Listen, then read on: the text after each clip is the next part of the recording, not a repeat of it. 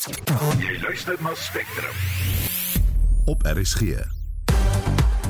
In vanmiddag se program die BRICS-groepering kry 6 nuwe lede. We have decided to invite the Argentine Republic, the Arab Republic of Egypt, the Federal Democratic Republic of Ethiopia, the Islamic Republic of Iran, the Kingdom of Saudi Arabia, and the United Arab Emirates to become full members of BRICS. The membership will take effect from the 1st of January 2024. 'n Dringende hofaansoek oor Lichtenburg se kragkrisis word vandag aangehoor en inwoners van George betoog oor die verhoging in kragtariewe. Welkom by Spectrum onder redaksie van John Estreisen, die produksieregisseurs is Daitrin Godfrey en Bongikosi Mtembu. My naam is Susan Paxton.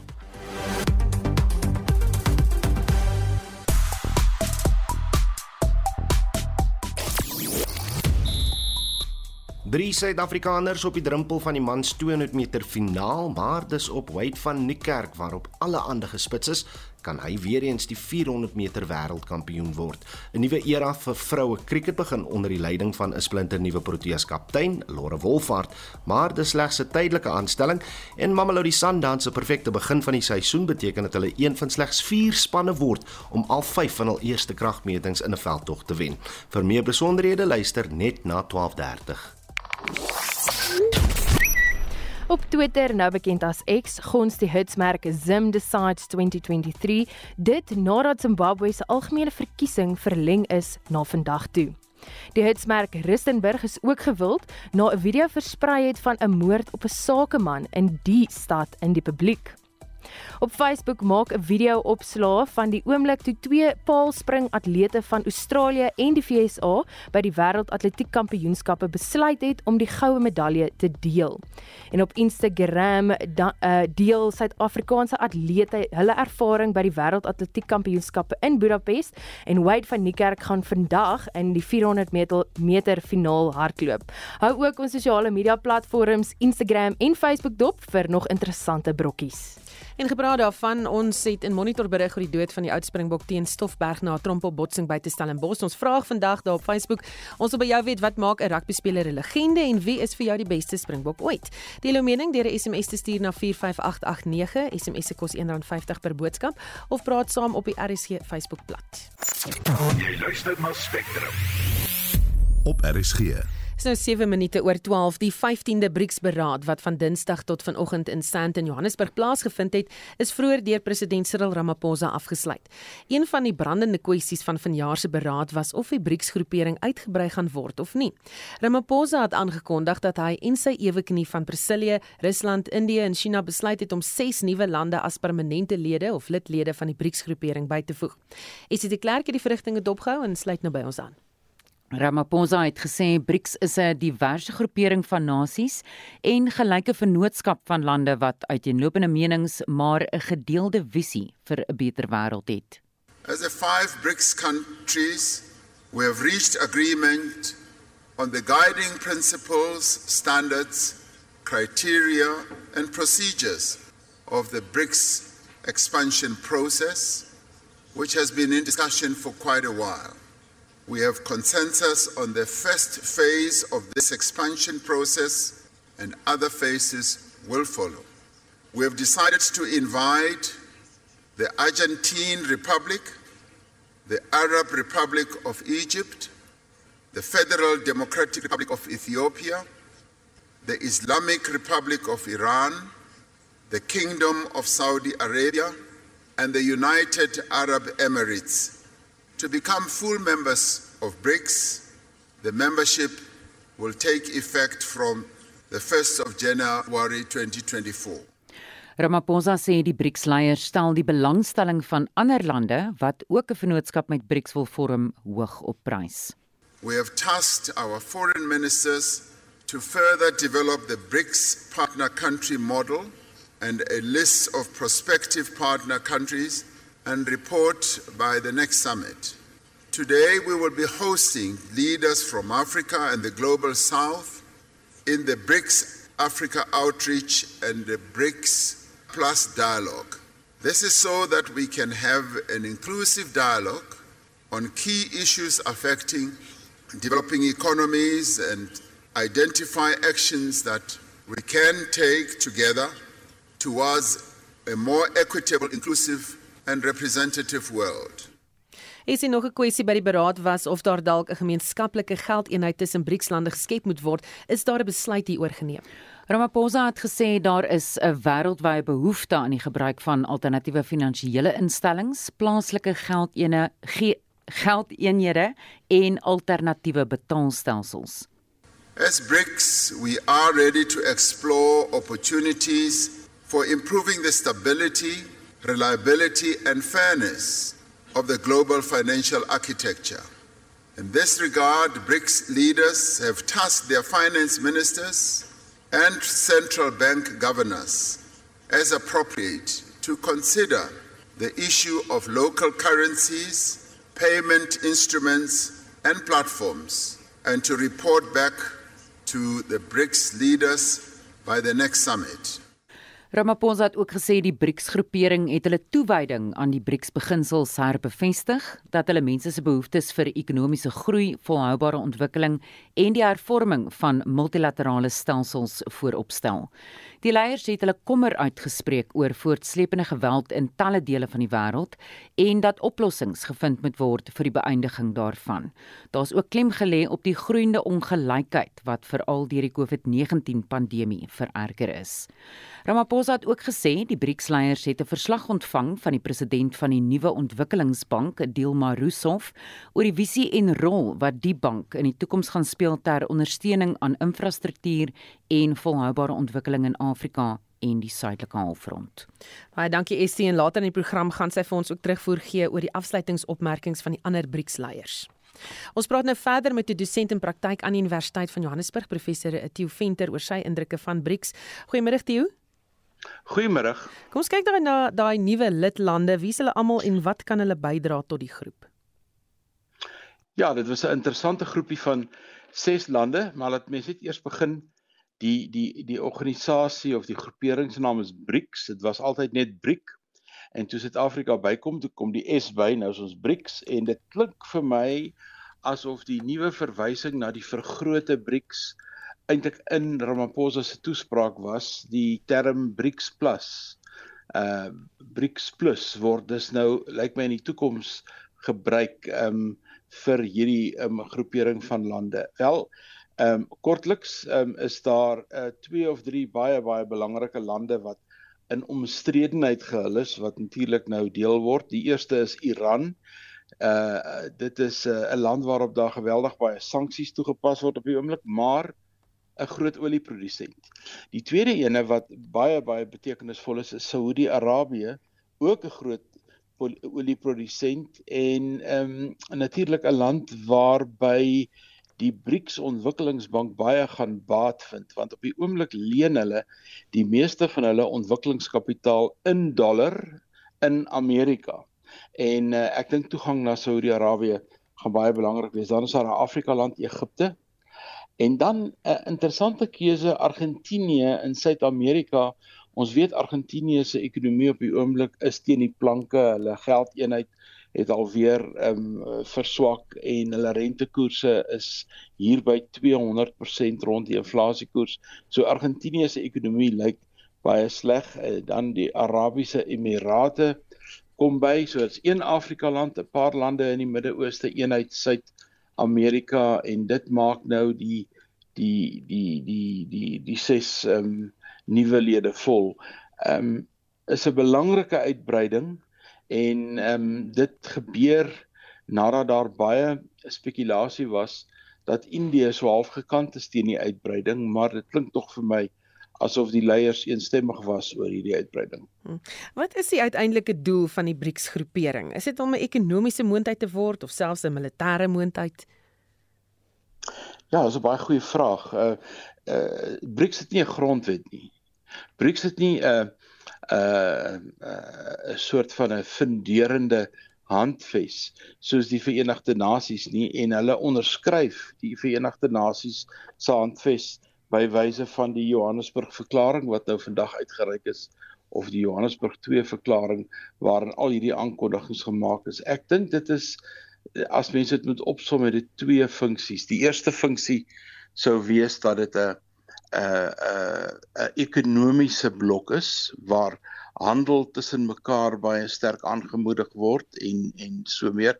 En dan is dit 'n 'n politieke groepering wat probeer om die invloed van hierdie lande veral binne die Verenigde Nasies um uh uit te brei. Uh die vreemde ding, eintlik 'n soort van 'n teenstrydigheid, is dat twee van die uh, huidige 5 BRICS lande is natuurlik permanente lede van die Verenigde Nasies se Veiligheidsraad en ek twyfel of hulle enigstens belangstel om daai elite posisie wat hulle tans beklee om dit enigstens af te staan.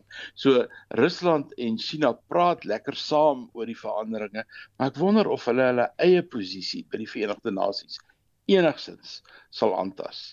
Hmm. Sê vir my, eh, wat is jou algemene indrukke van die beraad? Ek dink dit die beraad is goed vir Suid-Afrika. Dit was goed vir ons in terme van blootstelling, media blootstelling. Uh dit was goed vir ons in terme van ons energiebehoeftes om China hier te hê. China is 'n baie groot verskaffer, wel eintlik die dominante verskaffer van alle sonpanele en alles wat daarmee saamgaan. Ehm um, dit was goed vir ons landbou, dat uitgebreide landbouooreenkomste aangemaak. Voedselsekuriteit was 'n baie groot ehm um, gesprek tussen hierdie groepe En ek dink dit het Suid-Afrika ook 'n klein bietjie meer status gegee in terme ook van die konflik in die Oekraïne tussen Rusland en die Oekraïne. Daar is nogal daaroor gepraat en Suid-Afrika het die reëls nagekom deur nie vir Putin hier te kry nie. Anderste was ons in die moeilikheid want ons sou hom dalk in die tronk moes gooi.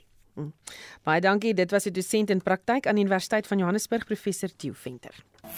Spectrum, jou middagnuusprogram op RSG. 18 minute oor 12 grootskaalse betogings oor eiendomsbelasting en verhogings in munisipale tariewe het reeds sy tol geëis in veral Gauteng en die Wes-Kaap. Die betogings het nou ook oorgespoel na George langs die tuinroete. Ons praat nou met ons verslaggewer in George Tanya Krause. Goeiemôre Tanya.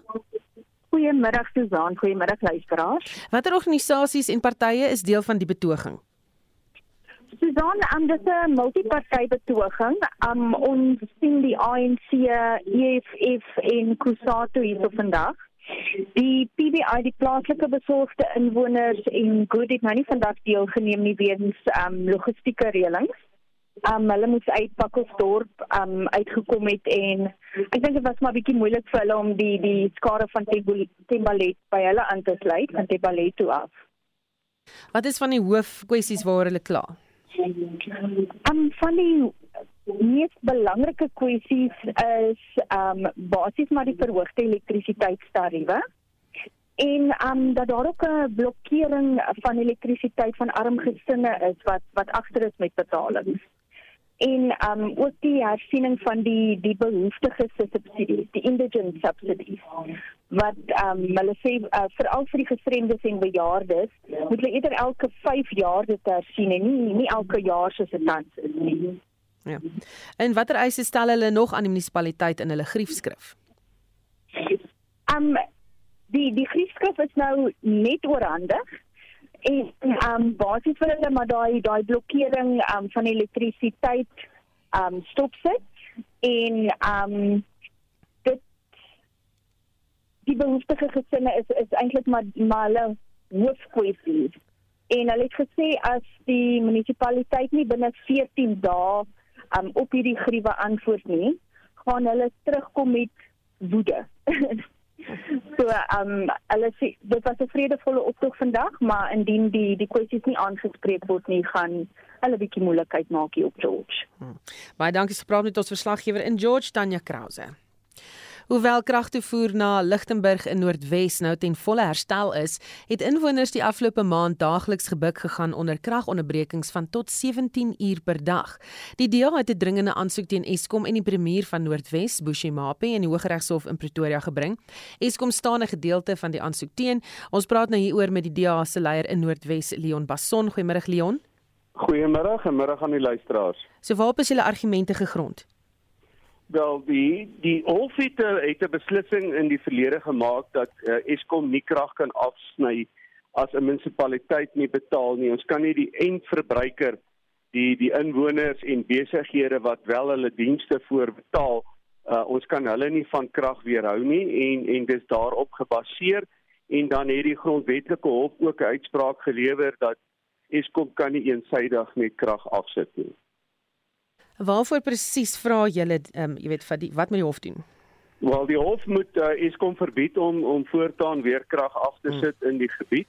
Uh die saak is nog nie aangehoor nie, maar baie laat gisteraand het Eskom ingestem uh vir 'n bevel ehm um, dat ehm um, hulle onregmatig die krag afgesit het of nie aangesit het uh nie en dat dit hulle op die 22ste Augustus die krag aangesit het en en dat hulle in die toekoms dit nie weer sal ehm uh, afsit tensy dit is vir instandhouding nie.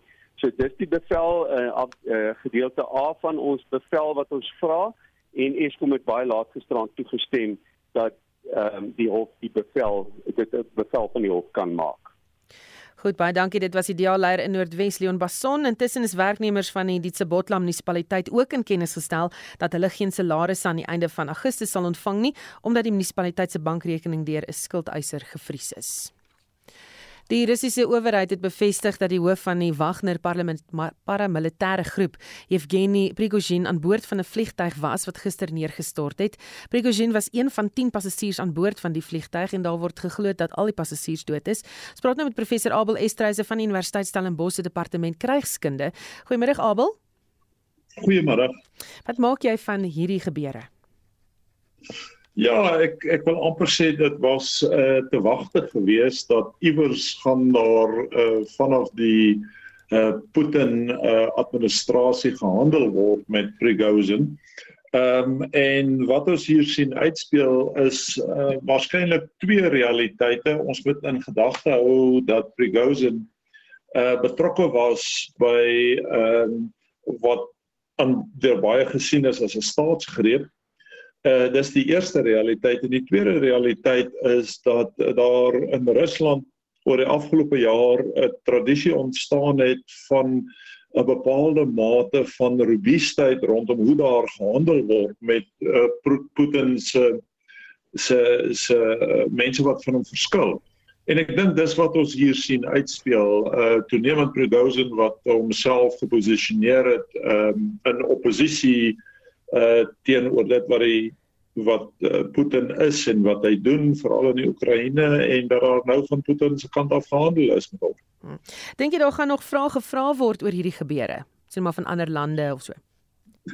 Ek ek twyfel, jy weet dit is dit het nou half ehm um, deel geword van die Russiese politieke tradisie of kultuur in die afgelope jaar ehm um, En ehm um, ja, die interessantheid hier natuurlik is dat uh, Putin nie net gehandel het met Prigozhin nie, maar uiteindelik gehandel met die hele topstruktuur van ehm um, van die die Wagner groep. En uh, dit is 'n baie interessante realiteit want weet 'n mens kan nou baie vrae vra oor die Russiese weermag en die effektiwiteit van die Russiese weermag in die Oekraïne, maar een ding is baie duidelik en dit is dat Russiese die Russiese inligtingagentskappe en hoe hulle handel met ehm um, opponerende elemente uh, of wat gesien word as opponerende elemente binne die Russiese administrasie en die Putin administrasie word daar op 'n baie baie baie effektiewe manier mee gehandel en hulle word op 'n baie effektiewe manier uit die samelewing verwyder.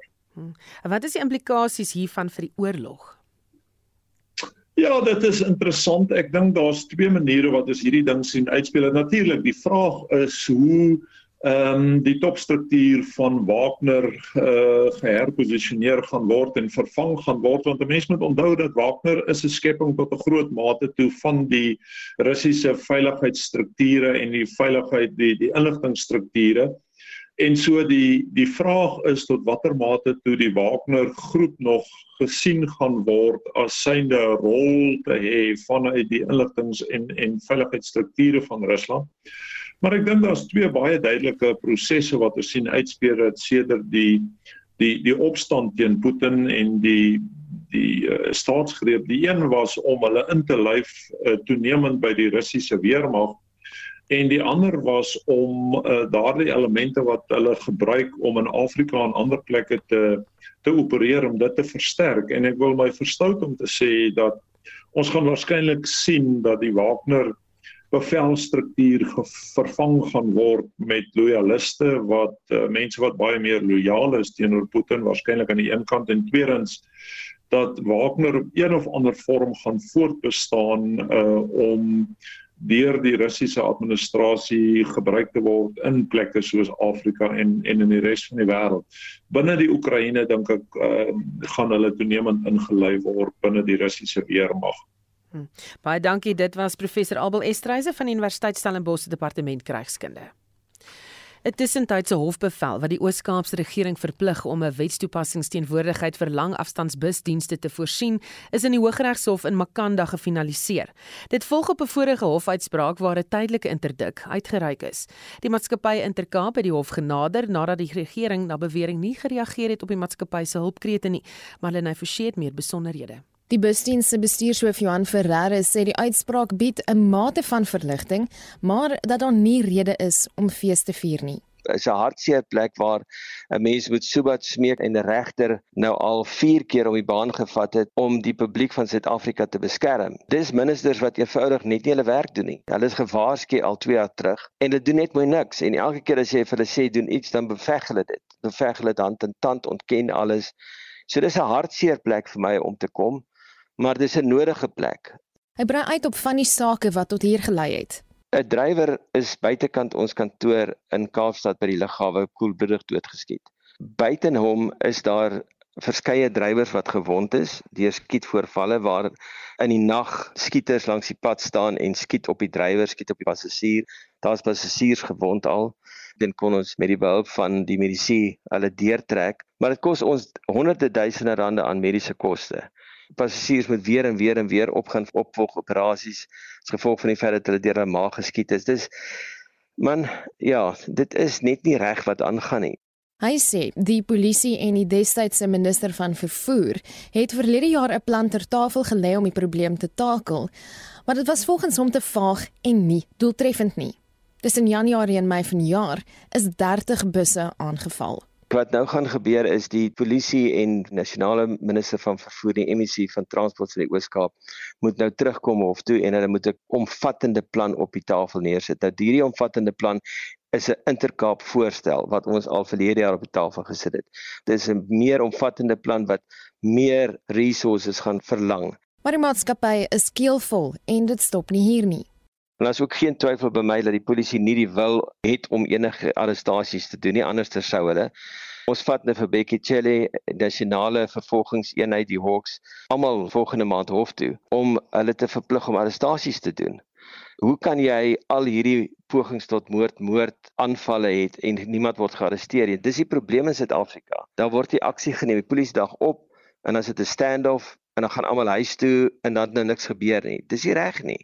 Mense oortree die wet en hulle word nie verantwoordelik gehou nie. Ferrari vermoed dat georganiseerde misdaad hier gepleeg word en sê ook hy is persoonlik uit die taxi-geleedere genader. Dit is die taksies wat my ingeroep het in persoon en vir my gesê het ons mag nie in die Oos-Kaap laai sekere tye nie. Ons moet sekere pryse vra. Ons mag net sekere roetes ry. Ons kantore mag net sekere tye oop wees. Dis die taxi verteenwoordigers wat my gebel het en gesê hulle soek 5 miljoen rand beskermingsgeld. Dis die taksies wat direk met my gehandel het om my te probeer kry op 'n plek van toegee. So ek het nie twyfel omtrent dit nie. Dit is dit is wat dit is. Jy weet die, die feit dat mense nou nog wonder daaroor, dis niks om oor te wonder nie. Dit is wat dit is. Dit was Johan Ferreira, die bestuurshoof van die langafstand busdiens Intercape. Marina Forsie, SAK nuus. Jy luister na Spectrum. Elke week saterdag tussen 12 en 1. In die tweede helfte van die program die oppositie in Zimbabwe beweer ongeruimthede het in die algemene verkiesing plaasgevind en die parlement gaan voort om onderhoude te voer met kandidaate vir die pos van openbare beskermer. Bly ingeskakel.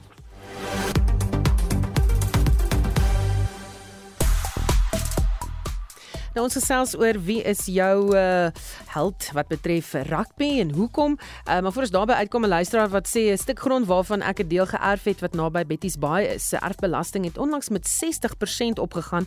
Ons besware was onsuksesvol. Ek is 'n pensionaris en dis nou 'n aanleiding van die storie vroeër oor George waar mense kla oor die probleme daar. Intussen sê uh, Rassie van Alberton, Pierspies Junior en Senior Rob Lou, hulle integriteit, nederigheid, lojaliteit maak legendes. En dan op Facebook praat ook 'n klomp mense se Alta Kloete wat sê Busy Montgomery, hoe hy homself herbou het met tonne dissipline en hoe sy skopskoen as gevolg van dit verbeter het, hoe hy sy kop omhoog gehou het al het die skare hom uitgejou en almal hom gespot oor sy pink tokse.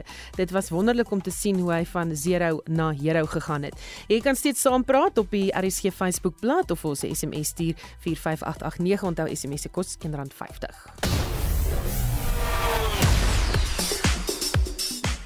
Udo Karels sluit nou by ons aan vir die jongste sportnuus. Goeiemiddag Udo. Middag Susan. Ons begin met atletiek want uh, vandag staan die kook slegs op 27 grade in Budapest, maar op die baan gaan dit heelwat warmer wees. Ja, absoluut. Ongeag van wie jy is of waar jy vandaan kom, vandag is Wade van die Kerk dag, maar voor ons by hom uitkom, drie Suid-Afrikaners staan op die drempel van 'n plek in die mans 200 meter finaal, uh, een uit elke uitdinne. 8 uur vanaand is Lucolo Adams te sien in die eerste uitdinne sy tyd van 20,15 sekondes. In die eerste wedren was sy vinnigste tyd vir die seisoen. Dit was ook die sewende vinnigste tyd van al die 200 meter nalopers wat sover gehardloop het by die wêreldkampioenskap. Kort op sy hakke in die tweede uitdinne sien Sipo Dambile en dan die laaste uitdinne is dit uh, Shaun 我干你！Wat reeds hierdie seisoen 'n tyd van 19,99 sekondes afgelê het. Uh, so die kans van 'n plek in die finaal vir ten minste een van hulle is dan wel 'n moontlikheid. Die een wat ons almal wel gaan dophou is Wade van Niekerk wat 25 minute voor 10 vanaand in die mans 400 meter finaal meeding is Wade net sy seisoen se beste kan aflê van 44,08 sekondes dan behoort hy onder die medaljes klaar te maak die vinnigste man in die 400 meter tot dusver is Jamaica se Antonio Watson wat 'n 44,13 sekondes afgelê het in die semis Nou na krieket toe waar dit vandag bekend gemaak is dat Laura Wolfhard die vroue Protea span sal lei Ja, die wêreld se vierde beste eendag en sewende beste T20 kolwer sal voortaan die kapteinskap leiersels by Sonay Lies oorneem. Lies het besluit sy wil nou eers net op haar golf en balwerk aandag skenk. Dis seker ook die rede hoekom Wolfhard nie die skoene oor die langtermyn wil volstaan nie. Sy is verreweg Suid-Afrika se beste kolwer uh, en een en daar is 'n uh, langstaande teorie wat op die proef gestel gaan word uh, net hoe leierskap jou eie vertoning raak. Nou Wolfhard sal dan vir die uitgaande toer na Pakistan en die toer hier op tuisbodem teen Nieu-Seeland die armbandjie dra waarna die posisie van kaptein heroorweeg sal word. My goals for the position for the next two tours it would just be to do whatever I can to make sure that each player is able to perform at their best. I think we've it's an important two tours for us because we got the ODI points to think about for qualification for the World Cup or the next ICC cycle. So the ODIs are very important. I think being new to the role, it'll just be figuring out what the team needs of me uh, in the role and just being able to do whatever I can to make sure that everyone's ready to play and ready to go in those important games. Hierdie week was 'n massiewe week vir vroue cricket met die aankondiging van 'n heel eerste professionele liga vir ons dames, asook die feit dat hulle rand vir rand soos aan dieselfde sal verdien as die manspelers uh, vir internasionale wedstryde. As jy nou nog nie gehoor het nie, is die All Black span vir môre se wêreldbeker opwarmingswedstryd bekend gemaak. Groot storie daar is Luke Jacobson wat sy eerste verskyning in die 15-tal maak vir die seisoen. Die wedstryd op Twickenham skop 8:30 môre aand af uh, en 70 uit die moontlike 82 1000 kaartjies is reeds teen gisteraand vir die skouspel verkoop. En dan uh, net 'n vinnige ander uh, rugby brokkie, die Stormers het Salman Murat aangekondig as hulle kaptein vir die nuwe VRK seisoen as plaasvervanger vir uh, Steven Kitchoff wat Ierland toeskuif saam met die klub Ulster. In sokkernuus is Mamelodi Sundowns nog onstuitbaar. Ja, julle Pretoria mense, nê. Nee, Gisteraand het die doel van die Argentynse voorspeler uh, Junior Mendieta verseker dat Sundowns een van vier spanne geword het om die eerste 5 wedstryde van 'n ligaveldtog te wen. Uh, dit in 'n 1-0 oorwinning teen Richards Bay wat nog wenloos is hierdie seisoen. Nou Sundowns sit op 15 punte, dis 8 punte meer as die tweede geplaaste SuperSport United ook van Pretoria. Dis nou op die DStv Premier Liga punte leer. Die ander kragmeting gesorg vir 'n 1-0 oorwinning deur Sek Sekhukhune United oor Cape Town City wat die voorgenoemde span uh, dan laat opskuif bo die Kaapenaars in 6de plek. En dit was Udo Karelse met die sportnuus. Jy luister na Spectrum. Elke weekmiddag tussen 12 en 1. Ons gaan nou na nuus uh, na die buiteland toe. Verkiesing in Zimbabwe gaan vandag vir 'n tweede keer voort nadat verskeie landsburgers gisteraand nog nie hulle krisis kon trek nie. Marlene Forsie het gaan kers opsteek by die hoof van die Suider-Afrika program aan die Instituut vir Sekuriteitsstudies, Piers Pigo. This is a reflection of just how serious the logistical problems were yesterday, where significant parts of the country were either unable to vote at all or were only able to vote starting very late into the day. We don't have a clear sense of just how many people have been impacted, what chilling effect that may have had on the turnout in these areas. Intussen is die stemme reeds plek plek getel en relevante individue wat verkies is, is ook reeds bekend gemaak. Hy waarsku egter teen die onnodige uitrek van die proses omdat dit dikwels 'n aanduiding is van verkiesingsknoeiery. Nou die oppositiestem in 2018 was reeds groot. So wat is die kanse dat die stem teen die ZANU-PF weer gaan versterk? There is a chance. I mean, uh, the Triple C are optimistic. I think that that's largely aspirational and they have to put that foot forward. But they are up against it, both in terms of the longer term trajectory of abuse that has been visited against the opposition over the last five years, and the conditions on the ground, which are heavily tilted in favour of the ruling party. So, yes, this is what feeds into the widespread sense from analysts and observers that by hook or by crook, uh, ZANU PF will get it over the line. Dis 'n geval van wag en kyk wat gebeur en Pigo waarsku teen verskeie beduidende waarskuwingsligte. The attempt quite brazenly to frustrate observer missions to attack the credibility of observer missions. We saw last night in the early hours of this morning the command center of ZESN, the Zimbabwe Electoral Support Network and the Election Resources Center, which are the two primary domestic observer groups. Their offices were raided, their computers seized, and we understand 40 people were arrested. This appears to be a deliberate attempt to frustrate observation processes and is just one tactic in a an array of tactics that have been employed to crook the outcome. Hy glo nie die uitslag gaan die wil van die mense op voedselvlak weerspieël nie. Disenfranchisement has been a central part of uh, Zimbabwean politics for a long time. The fact that you have millions of people in the diaspora who are still not entitled to participate from afar and are forced, if they want to participate, have to pay an extraordinary amount of money to come back to Zimbabwe to vote in their constituency is indicative of a political situation that is not promoting inclusiveness. Dit was Pierre Spiegel, die hoof van die Suider-Afrika program aan die Instituut vir Sekuriteitsstudies. Marlene Forsie, SAK nuus. Dis die tweede dag van onderhoude om 'n nuwe openbare beskermer aan te stel. Die parlement se ad hoc komitee doen die onderhoude met agt gekortlyste kandidaate. Vandag was advokaat Mubangu Lukumani en Landros Johanna Ledwaba aan die woord. Later vanmiddag kom die waarnemende openbare beskermer Koleka Galeka en professor Boitumelo Musnyani ook aan die woord. Celine Merrington woon die onderhoude by waar dit by die parlement gehou, gevoer word en ons praat nou met haar. Goeiemôre Celine. Middag Susan. So die eerste kandidaate vanoggend was Mbangu Lukumani. Sy was voorheen die hoof van menslike hulpbronne by die Nasionale Intelligensieagentskap. Hoe het dit gegaan? Ja, Susan, behalwe dit is dit ook haar tweede keer, ehm um, soos hulle in Engels sê, it's not her first rodeo. Haar tweede keer dat sy nou ehm um, gekortlys is vir die posisie van openbare beskermer.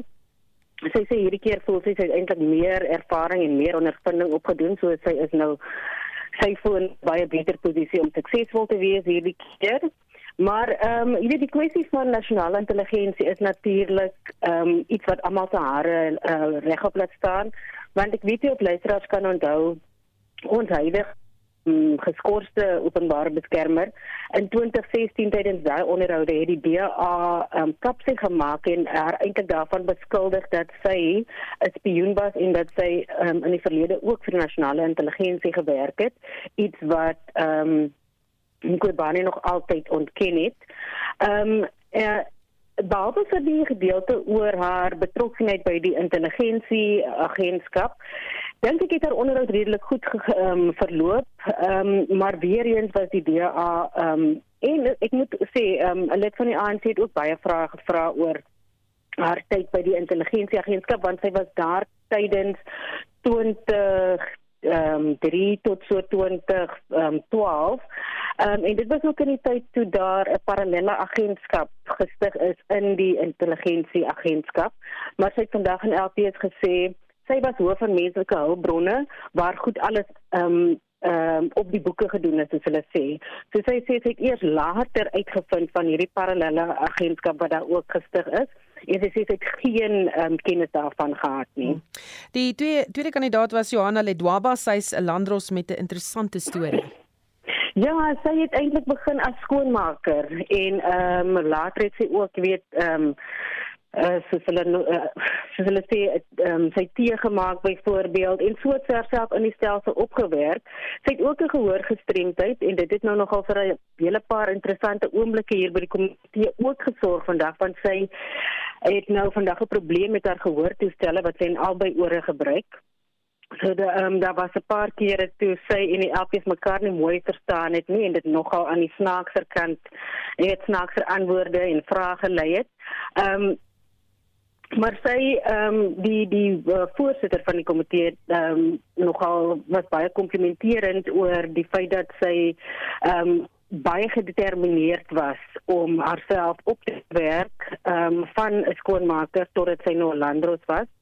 Ehm um, sy was die sesde kandidaat wat vandag ehm um, ehm um, in die hele proses want hulle het gister het die komitee lede met 4 kandidate gepraat en vandag 2 en soos jy sê later kom die ander 2 aan die woord. Hmm.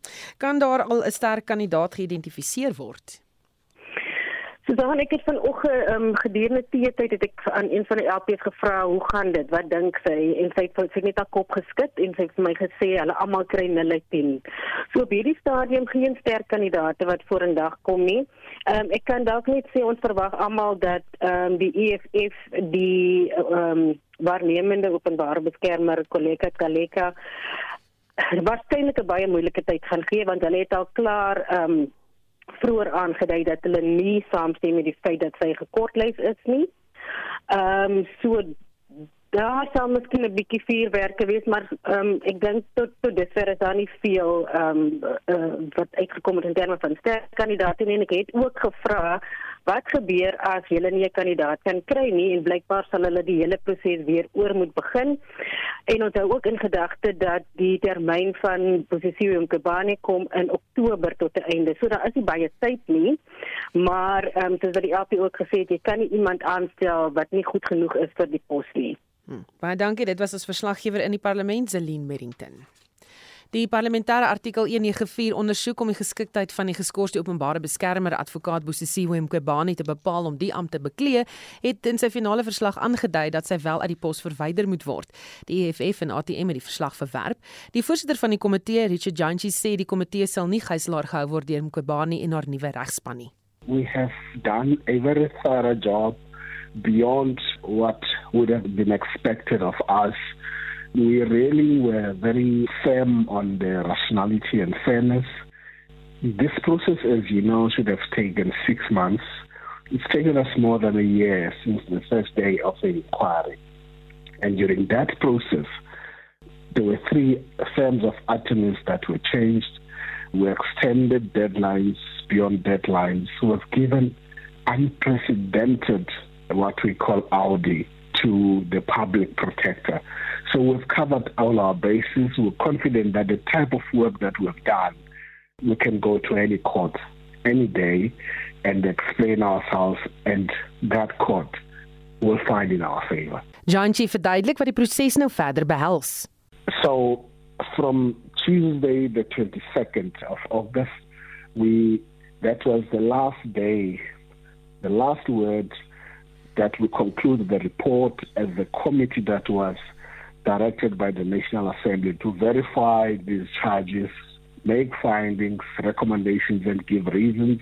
We have done that, and therefore, from Tuesday, the final report has been adopted. That product is now the property of the National Assembly. The very next National Assembly Programming Committee, which programs all of these, we're hoping that it will give a date as to when this report will then um, come in front of the LA. So it's, it's out of our hands. We've done our work. En dit was Richard Janchi die voorsteur van die artikel 194 komitee. In die tydperk 2022-2023 is sowat 1,6 miljoen gevalle van huisroof aangemeld in die land. Dit kan selfs meer wees omdat slegs sowat 51% van die gevalle aangemeld is by die polisie. Dis volgens Statistiek Suid-Afrika se jongste misdaadslagofferverslag en ons praat nou met een Cameron van Action Society. Goeiemôre een. Goeiemôre Susan. Wat is jou indrukke van die statistiek? Ehm um, daar's daar's 'n paar gevolgtrekkings wat ons kan maak. Ek dink iets wat vir my uitstaan is die feit dat daar 'n wesenlike tekort aan rapportering is. So ons sien met byvoorbeeld met iets soos aanranding, uh selfs huisbrake het uh, het 'n baie baie groot hoeveelheid mense glad nie eers dit gaan rapporteer aan die polisie nie.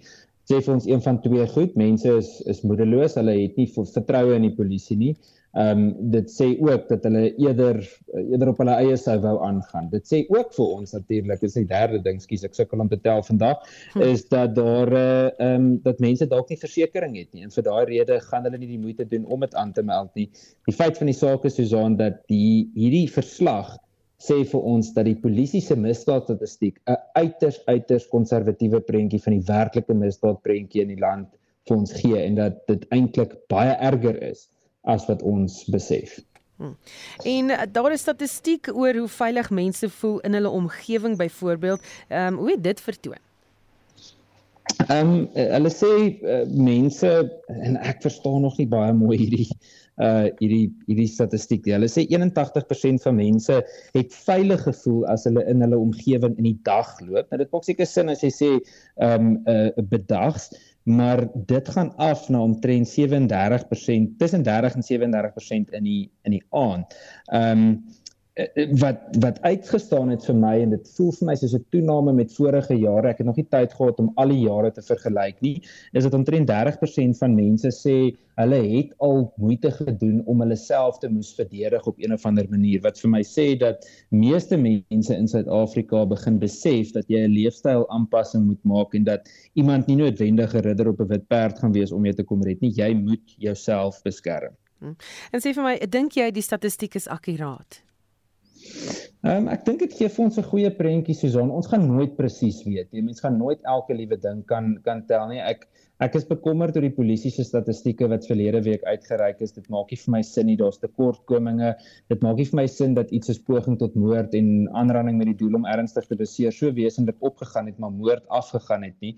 So dit voel vir my tog en ek maak nou 'n dis ja, seker 'n lelike beskuldiging, maar dit voel vir my tog asof 'n of ander vorm van manipulasie uh van die statistieke. So hierdie is vir my akkuraat en ek dink dit dit skets vir my 'n meer akkurate prentjie van wat die gevoel op grondvlak is.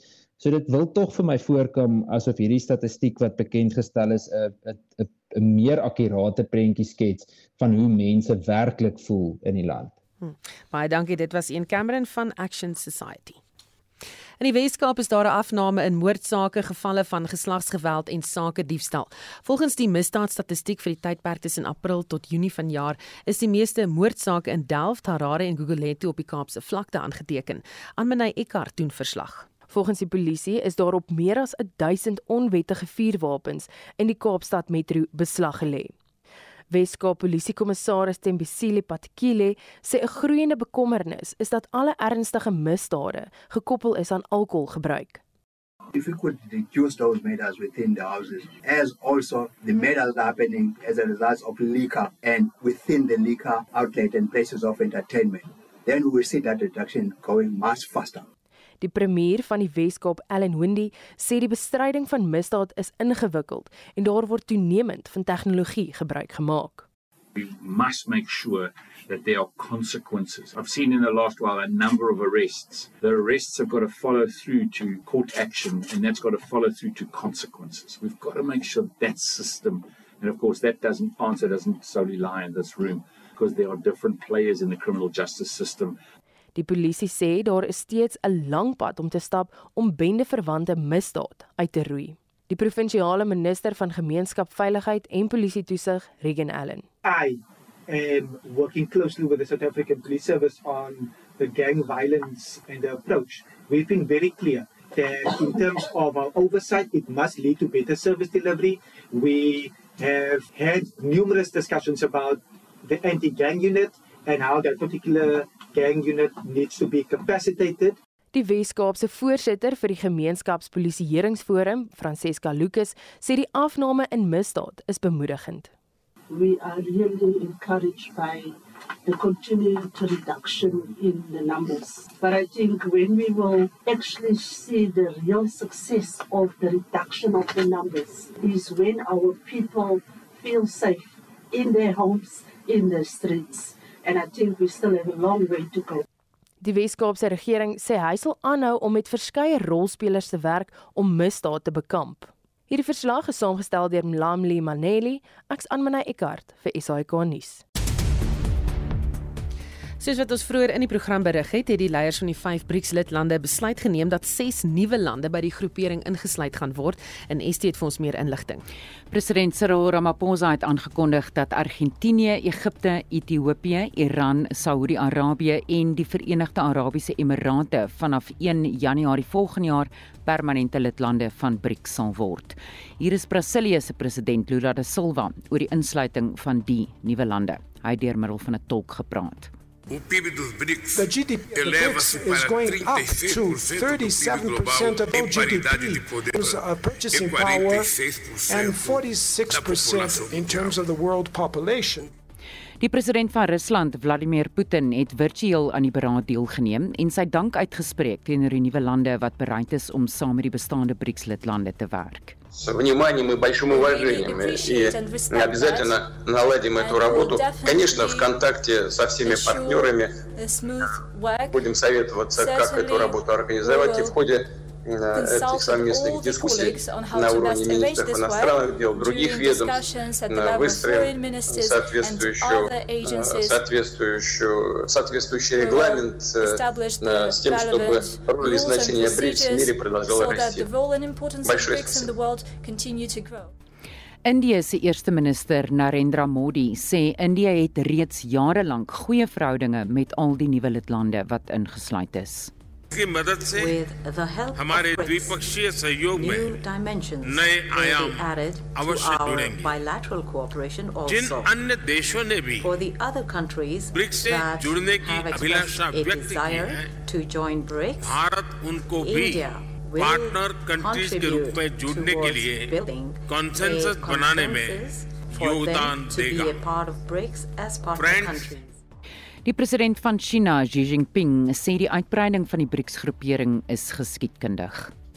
It shows the determination of BRICS countries for unity and cooperation with the broader developing countries. It meets the expectation of the international community and the common interests of emerging market countries and developing countries. The expansion is also a new starting point for BRICS cooperation. Ramaphosa het ook gesê die BRICS-leiers stel die belangstelling van ander lande wat ook 'n vennootskap met BRICS wil vorm hoog op prys. Die ministers van buitelandse sake van die onderskeie BRICS-lande moet die BRICS-ontwikkelingsmodel uitbrei en by volgende jaar se beraad terugvoer gee. Baie dankie. Dit was Estie met 'n samevatting oor die 15de BRICS-beraad wat vroeër vandag in Sandton in Johannesburg ten einde geloop het. As jy vir ons groet ons gesels oor uh, wat maak 'n rugby speler 'n legende en wie is vir jou die beste Springbok ooit.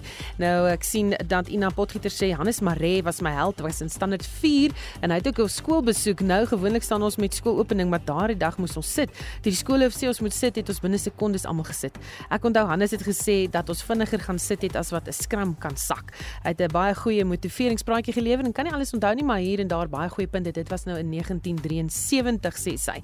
Dan sê Stefan van Heerden om 'n legende te wees is wanneer Jan publiek oor jou prestasies gesels. Legendes, rugby Okkie Geffen, Dani Kruiven, uh, Mannetjies Roo, Frik de Pre, Jan Ellis Naasbota, Joos van der Westhuizen, Dani Gerber, Andre Joubert, te veel om op te noem sê hy en dan gaan hy verder en hy sê atletiek en swem, maar jy kan gaan lees daar op die RSG Facebook bladsy wat hy alles daar sê.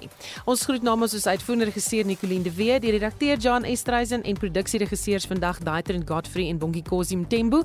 My naam is Susan Paxton bly ingeskakel vir 360.